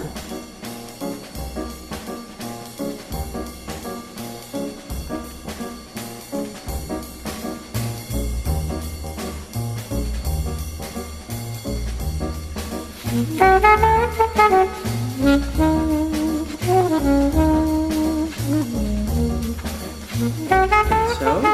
Hi. Hi. Hallo, goedemorgen. Ehm, Ja. ja, ik ben Peter. Ja. Ehm, wie zijn jullie? Ja, ik ben Cor, ik ben werkbegeleider hier. Ik ben werkbegeleider houtwerkplaats in textiel. Ja. Ja. Jij? Ik ben Marijse en ik ben GGZ-agoog, dus ik doe verschillende dingen hier. Oké. Ja, Ja. Hoe, hoe, hoe- ja. Je neemt al wat op. Ja, ik, hij loopt gewoon. Ja. Hij loopt gewoon. Hij loopt gewoon, ja. Eh, weet je, we hadden het er net even over, Marijse en ik, van eh, nou, wat, wat zullen we vertellen. Maar misschien is het voor jullie, Ja. hoor dat jullie je aan het oriënteren zijn, dat Ja. jullie zelf wat willen opzetten. Klopt dat? Ja, we, we zitten in de therapeuticum in Rotterdam. En daar is misschien wat ruimte om een kleine instelling te starten. En dat is echt ver weg show, maar we hebben wel het idee van nou, laten we hier ook kijken van hoe, organiseren jullie dat, hoe moet Ja. dat eruit zien. Ehm, ja, Ja, op die manier. ja, En eh, ja, misschien is het dan wel leuk als ik iets vertel Ja, over graag. hoe de Borgstichting is ontstaan. En eh, dat is eigenlijk ontstaan in de jaren tachtig. Er waren een paar mensen die hadden geen baan, leefden van, eigenlijk van een uitkering. En die hadden wel het idee van, goh, we willen eigenlijk een alternatieve zorg bieden aan mensen ja, met, met een psychische problematiek. Eh, ze zijn toen begonnen met behoud van uitkering. En, eh, ze werden ondersteund. Op een gegeven moment is er een huisarts bijgekomen. Eh, op een gegeven moment is er een psychiater bijgekomen. En eh, eh, een kunstzinnig therapeut is bijgekomen. Het ging langzaam groeien. Maar ze zijn echt begonnen eigenlijk thuis, bij wijze spreken.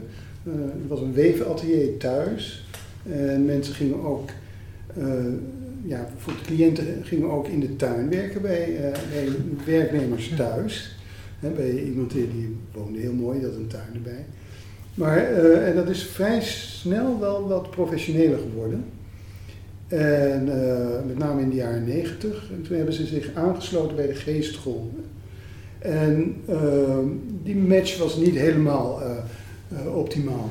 En op een gegeven ogenblik zijn ze, hebben ze dat contact verbroken. En zijn ze met eh, de organisatie Lievergoed eh, begonnen. Dus de Borgstichting is toen bij Lievergoed gegaan. Dat was ongeveer in 2000. En eh, toen zijn ze op een gegeven ogenblik van de stad Haarlem, een oud pandje, een houtwerkplaats, en zo zijn ze verhuisd hier naar dit pand. En het is eigenlijk in de loop der jaren steeds professioneler geworden. En eigenlijk de, de basis, het basisidee was altijd een leefgemeenschap. Zo, hoe kan je met een kleine club mensen samen dingen doen? En eh, die leefgemeenschap die heeft altijd eh, goed gewerkt. Dat is eh, mensen die hier binnenkomen voelen zich altijd thuis. En dat is, dat is voor het proces altijd, ik, ik heb dat altijd heel gunstig gevonden. De sfeer die die pioniers hebben opgezet in de jaren 80, 90, dat die sfeer is eigenlijk nog steeds wel aanwezig hier. En dat vind ik wel heel bijzonder. Dus dat, dat hebben die pioniers heel erg goed gedaan. ja. Dus eh, knap, knap, want er is wel heel veel veranderd. Hmm. Een beetje in een notendop is dat de Wat mooi. Ja. geschiedenis van de en hoe lang ben je zelf eh, betrokken? Ik ben 20 jaar hier. 20 jaar. Oké. 20 jaar, best wel Ja, ja. lang. Dat is best wel lang, ja. Ja, dat is Ja. lang. Ja. En, eh, altijd met veel plezier, er is veel veranderd.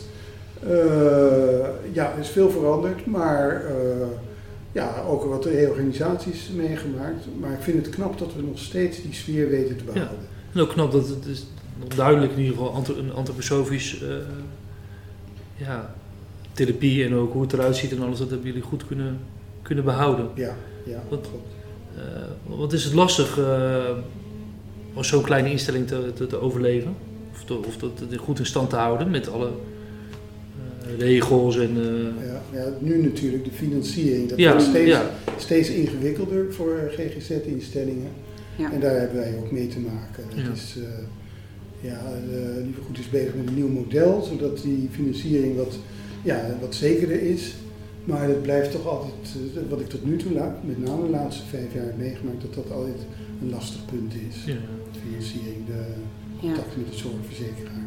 Zeker wat elementen die dus niet direct worden vergoed. Hè? Bijvoorbeeld een, Ja. eh, nou ja, zo'n tuin die hier die, nou ja, niet eh, te zien is, maar eh, die, die er eerst bij was. Hè? Dat soort onderdelen die, zijn toch wel lastig om erin te houden. Omdat op een gegeven moment, ja, is natuurlijk ook stabiele geldstroom is ook belangrijk. En aan de Mhm. andere kant wil je ook toch de antroposofische elementen Ja. erin houden. Dus dat is soms, soms ja, denk ik, balanceren.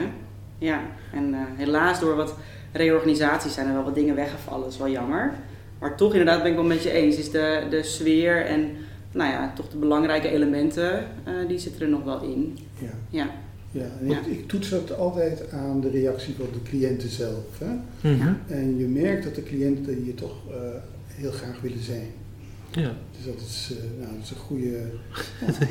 als je dat hoort, dan, dan, dan zit je op het goede, blijf je op het goede pad zitten natuurlijk.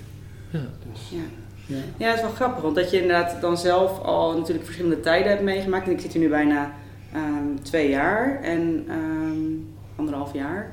En dan vallen er wat dingen weg waarvan je dan zelf als team denkt, oh wat zonde. En hè, kan, kan het wel allemaal in stand blijven, Mhm. maar dan toch door de warmte en de rust en, de, en eigenlijk een beetje de holding die je kan bieden aan cliënten, dat, dat maakt toch dat het voor iedereen een hele goede tijd is hier. Hè, zonder een tuin of zonder nog wat andere eh, onderdelen.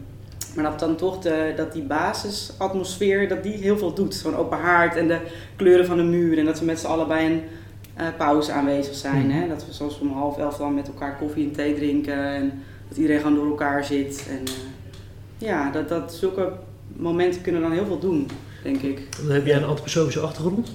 Nee, ik heb alleen de introductiecursus gedaan van een paar dagen. Mhm. En ik heb me wel, ben me wel zelf aan het inlezen en ik leer een hoop van, eh, van collega's. Ja, Want het, het, het spreekt je wel aan. ja, ik heb na mijn SPH heb ik holistische therapie gedaan. En daar zitten Mhm. wel heel veel herkenbare eh, ja, overeenkomsten in. Dus ik ben wel, was wel bekend met het etherische lichaam en het astrale eh, niveau en, en de, de twaalf zintuigen. Dus er waren wel wat, wel wat herkenbare eh, ja, zaken. Maar Dus je, je hebt ook echt bewust voor, voor, voor deze locatie gekozen. Heel bewust, Ja? ja. Ja, ja. ja zeker.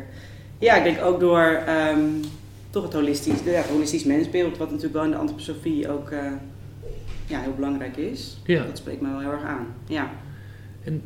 Hoe,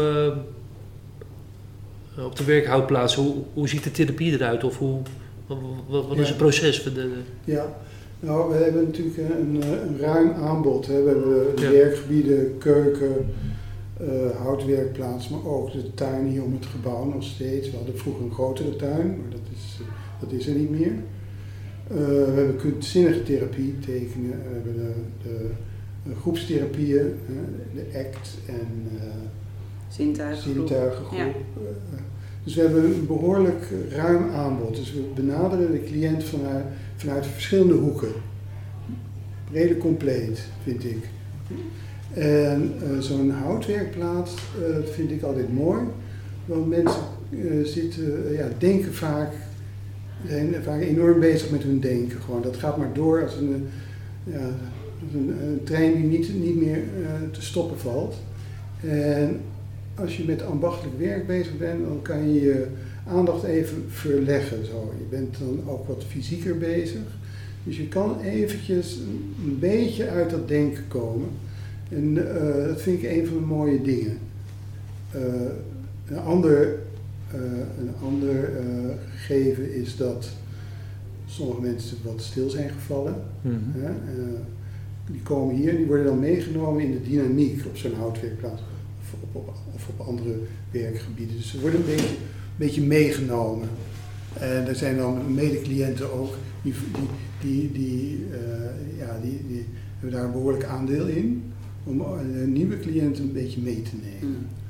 En eh, dat werkt goed, dus eh, Daar voelen ze ook een verantwoordelijkheid in. ja, Ja. zeker ja. Dus het werkt goed. En ook bij zo'n werkgebied, jij eh, vraagt toch altijd van nou hoe gaat het, weet je wel. Je- Ik probeer ook een beetje aan te sluiten bij het enthousiasme van mensen. Dat ze zich kunnen verbinden met iets wat ze aan het doen zijn. En dat is eh, een zoektocht die je met z'n tweeën dan aangaat. Eh, het is niet iets wat ik opleg, maar het is een beetje een, ja, het gaat met z'n, als, je- als je stil met een cliënt samen aan het werken bent, ben je met z'n tweeën aan het zoeken van, goh, welke richting kunnen we opgaan en wat is, wat is goed voor je. En eh, ja, het, het werkt. Ja. Het werkt. Het werkt. Dus dat is heel leuk. En natuurlijk, zo'n houtwerkplaats is weer heel anders qua sfeer dan zo'n textiel. Eh, afdeling textiel is wat rustiger. Mensen kunnen soms wat meer met elkaar praten. En, en eh, ja, op zo'n houtwerkplaats moet je even wat meer neerzetten. Want dan werk je toch met een materiaal en dat moet gezaagd worden. Dus eh, komen ook binnen de werkgebieden komen verschillende kwaliteiten aan bod. Hoe, ziet jouw dag eruit? Nou, dat wisselt. eh, dat niet, niet zo hetzelfde, denk ik, als eh, bij Core. Ik, eh, ik doe eh, twee intakes in de week met cliënten. En ehm, ik geef de zintuigengroep. En ik geef de ACT-groep, dus de Acceptance and Commitment Therapie. Die hebben we vanmorgen gedaan. Ehm, wat doe ik nog meer? Ik doe wat individuele gesprekken. Ehm, ja, en een stukje zorgcoördinatie. Dus een beetje kijken wanneer iedereen kan starten en wanneer mensen uitstromen. En nog wat, eh, ja, wat, wat randzaken. Ja, dus dat, dat is heel divers eigenlijk. Ja. Want eh, dat, dat instromen en uitstromen, eh, zijn daar vaste patronen voor? Of, eh, we, we- we- hoe- Nou, we houden als richtlijn eigenlijk aan. Hè. We hebben een dagbehandeling van twee dagen. Dus mensen komen hier op maandag en woensdag of dinsdag en donderdag. Sommige mensen komen maar één dag. En in principe houden we drie maanden aan als richtlijn.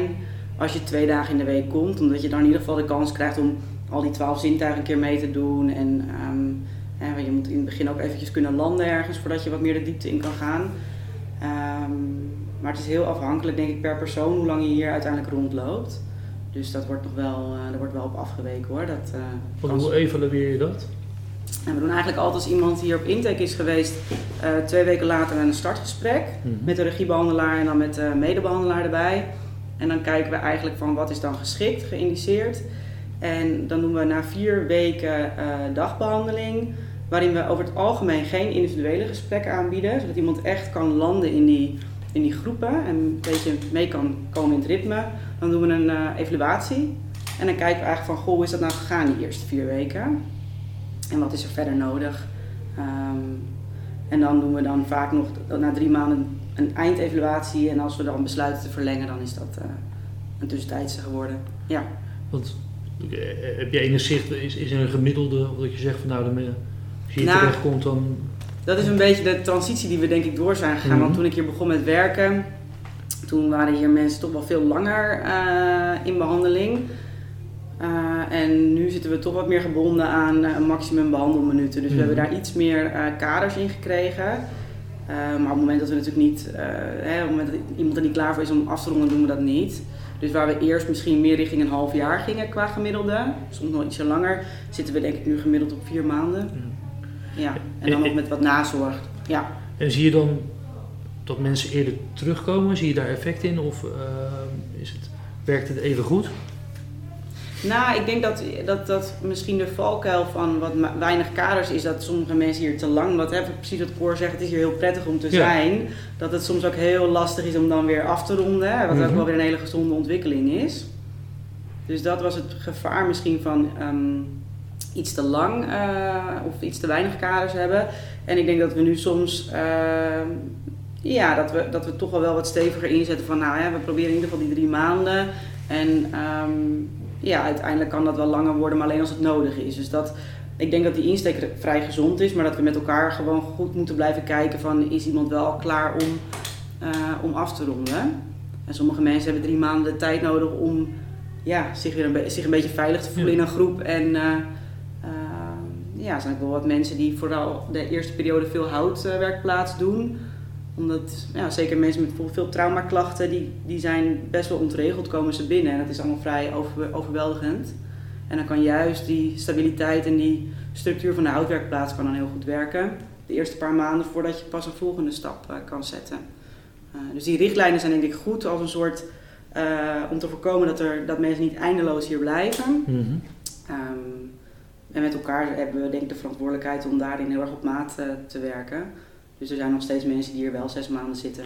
Want, Ja. eh, wat doe je als je merkt dat iemand het hier te prettig vindt? Of eh, ja, Ja, dat is best wel lastig. Ja. Want, want dat, aan de ene kant wil je dat natuurlijk ook neerzetten. Ja, dat- Je wil een soort een warm bad creëren waar iemand zich veilig voelt om ook ja, aan zichzelf te werken. Ehm, ja, ik denk dat je dan toch uiteindelijk met elkaar een, een einddatum gaat afspreken. En ook wel goed gaat kijken van nou, wat kan je dan, wat heb jij nog nodig om naar die einddatum toe te werken. Dus om wel jouw behandeldoelen te kunnen behalen, tussen aanhalingstekens. Maar ehm, ja, dus dat je wel. en soms kan het ook heel erg helpen om iemand, Mhm. zeker die, die, die het hier heel erg prettig vindt, kan het ook helpen om uiteindelijk een datum te plannen. Van nou, weet je, dan de komende twee maanden werk je hier naartoe. En dan is het voor ook een hele positieve en gezonde stap om weer eh, ergens anders, eh, nou ja, misschien wat individuele therapie nog te doen als een soort nazorg. want Ja. eh, gaat het beslist het grootste gedeelte zelf van, nou, ik, eh, ik, zie, eh, ik zie dat ik er weer klaar voor ben en ik, dan en dan? Of is het, is het vaker dat je dat gesprek moet begeleiden? Nee, meestal wel. Ik- Ik denk wel dat, ehm, dat we dat wel een beetje moeten begeleiden. Ja. Ja. Ja. Ik denk dat het een heel goed teken is dat het hier wel heel prettig voelt. Ja. Maar dat het ook... eh, ehm, nou ja, we hebben dan de dagbesteding. Hè? Dat, dat kan nog wel wat langer doorlopen. Dus dat mensen nog wel bij de houtwerkplaats of eh, kunstzinnige therapie of eh, creatief atelier eigenlijk blijven doen. Maar dan meer wat arbeidsmatiger. Dus dat dat eigenlijk een soort overbrugging kan zijn. Ehm, ja, maar dat het uiteindelijk wel goed is om ook weer een beetje te motiveren om weer verder te gaan kijken. Ja. ja. Dat het hier ook eindig is. Ja. Wa- Wat is die de overstap van eh, hier op een werkplaats werken bijvoorbeeld naar terug naar de gewoon thuiswerksituatie? Is, eh, is, dat, is dat een groot gat voor de, voor, voor de mensen? Of, eh, Ja, volgens mij wel. ja. Volgens mij wel hoor, want ja, kijk, we proberen mensen wel te begeleiden naar vrijwilligerswerk bijvoorbeeld, of, of Mhm. natuurlijk een baan, of weet je wel, dat, daar zijn we wel mee bezig, maar de focus is natuurlijk op de behandeling hier. En Mm. ja, de nazorg, eh, dat, je moet me maar corrigeren mensen, maar dat, dat heeft minder onze focus. Ja. Hè, dus het is best wel een stap eh, voor mensen om hier weg te gaan. Weet je, Ja. rond iets af, wat, wat mensen toch als goed ervaren. En dan moeten ze weer aan de gang, weet je Mhm. wel. En dat is best wel, dat is best wel, een, Ja. best wel een ding. Mm. Ja. En eh, we hebben wel, eh, we weten wel aan plekken waar mensen terecht kunnen. Maar toch, het is, eh, het is niet mis. Nee, daar En helpen dat- de maatregelen van de corona ook niet zo heel erg in. Nee. Want de Roads Nee. bijvoorbeeld is een hele grote organisatie waar we veel mee doen. Eh, in ieder geval, ja, waar toch wel veel mensen terecht kunnen voor reïntegratie, maar ook vrijwilligerswerk. En we hebben ook trajectcoaches en die, ja, die hebben nog nooit een wachtlijst gehad, want daar werken ze niet mee. Die hebben voor het eerst sinds hun bestaan wacht, eh, ja, wachttijden. En dat, eh, dat is soms wel lastig, want dat was, vond ik wel een hele fijne om naartoe door te verwijzen. Eh, wat als een soort mooie tussenstap kan werken voor weer, nou ja, reïntegratie in... in En wa- wa- wat voor de soort eh, trajecten zijn er? Of voor banen? Of, Railroad bedoel je? Ja? Ja, die hebben echt hele leuke dingen. We zijn, was jij daar toen bij, bij het Appeltaart Imperium? Eh, nee, zijn we toen met een groot deel van het team zijn we daar eh, naartoe gegaan. Die hebben een Appeltaart Imperium, die, eh, die bakken appeltaarten voor alle restaurantjes in Haarlem. En hebben eh, print en pixels, dus doen echt ehm, eh, eh, grafisch design en shirts bedrukken en folders maken. En, maar het leuke van die organisatie is dat ze dus eigenlijk van alle gradaties wel iets hebben. Van echt vrijwilligerswerk, heel laagdrempelig, tot aan echt betaald doorstromen naar betaalde functies. Dus een manager die daar rondloopt bij bijvoorbeeld eh, de eh Print and Pixels, die is ooit als cliënt binnengekomen. Oh. Ja, Ja. en die is nu manager van de locatie. Ja. En het is gewoon een commerciële, eh, hè, want dat is vaak bij dagbesteding is niet zo commercieel. En dat vind ik wel leuk aan Roads, dat ze ook wel, ja, dat het echt wel, eh, dat, je verdient daadwerkelijk eh, geld voor de locatie wat ze ook Mhm. weer in kunnen zetten. En je hebt dus ook betaalde functies. Dus dat Ja. vond ik altijd wel een mooie tussenstap. Maar daar is op het moment weinig ruimte. Dus ik vind dat het is altijd al wel een, een ding geweest van hè, wat van toch vrij intensief aanbod hier naar uiteindelijk weer ehm, ja, eh, afronden en eh, eh, dagbesteding of weer terug naar werk. En dan vond ik dat een, een mooie tussenstop, tussenstap, maar die is nu even wat minder. Dus dat eh, is af en toe even zoeken. Ja. En zien jullie hier ook mensen die bijvoorbeeld een hele drukke kantoorbaan hebben of eh, advocaat zijn of zo, of in, dat, dat segment en de- gewoon direct weer terugstappen in hun... eh, Nee, nee. dat, dat, dat, dat, dat- Ja, wat, wat ik merk, want eh, ja, we hebben allerlei mensen gehad, hier gehad met allerlei beroepen, juristen inderdaad, managers, zelfs psychiaters. Ja. En ja, veel mensen gebruiken de tijd hier om zich te heroriënteren. Hmm. Van, wil ik doorgaan met waar ik mee bezig ben en wil ik doorgaan waar ik in sommige gevallen ook in ben vastgelopen. Ja. En vaak is het zo dat mensen eh, tot de conclusie komen van nou, ik wil niet meer op die manier verder gaan. Ik wil iets anders, eh, een ander beroep of, of ik wil het in ieder geval anders aanpakken. Dus eh, dat zie je Ja. gebeuren. Dat zie Dus het is echt een levensveranderend moment als je hier eigenlijk Ik- eh, Ik vind, inkomt ik en vind uitgaat. vaak van wel. Dat, eh, dat ze de tijd hier toch gebruiken om, om eh, ja, even goed na te denken van ja, wat wil ik met mijn leven? Ja. Hmm. En eh, ja, ik- voor, voor ons als, als begeleider is, wel, is, het, is het heel bijzonder om te zien. Ik, eh, zijn, eh, ja, het is wel een bijzonder iets van je vak eigenlijk. Hè? Ja. In, eh, dus eh, ja, Mooi. Ja. Ja, en ik vind ook met, eh, zeker in de groepen, met een zintuigengroep. eh, ik heb ook wel de mindfulness gegeven. eh, en dan vanmorgen in de act. Het zijn eigenlijk allemaal groepen waarbij je eh, veel stilstaat bij ja, wie ben ik en hoe neem ik mezelf en de rest van de wereld waar. Eh, zonder daar allerlei acties of oplossingen op uit te zetten. Dus het zijn best wel groepen om een beetje, eh, maar dat zal jij op de houtwerkplaats denk ik ook wel herkennen, om, om in het moment aanwezig te zijn eigenlijk. En dat, dat, dat lijkt heel weinig, maar dat is voor zoveel mensen al zo'n onwijs grote uitdaging. En Mhm. die herken ik zelf ook, hè, want ik kan het eh, vertellen, maar het is voor mij ook altijd een uitdaging om weer in het, in het hier en nu te blijven en niet overal eh, wat mee te willen doen. Ik denk dat dat voor hulpverleners soms ook een, eh, een uitdaging is, niet om op te willen lossen.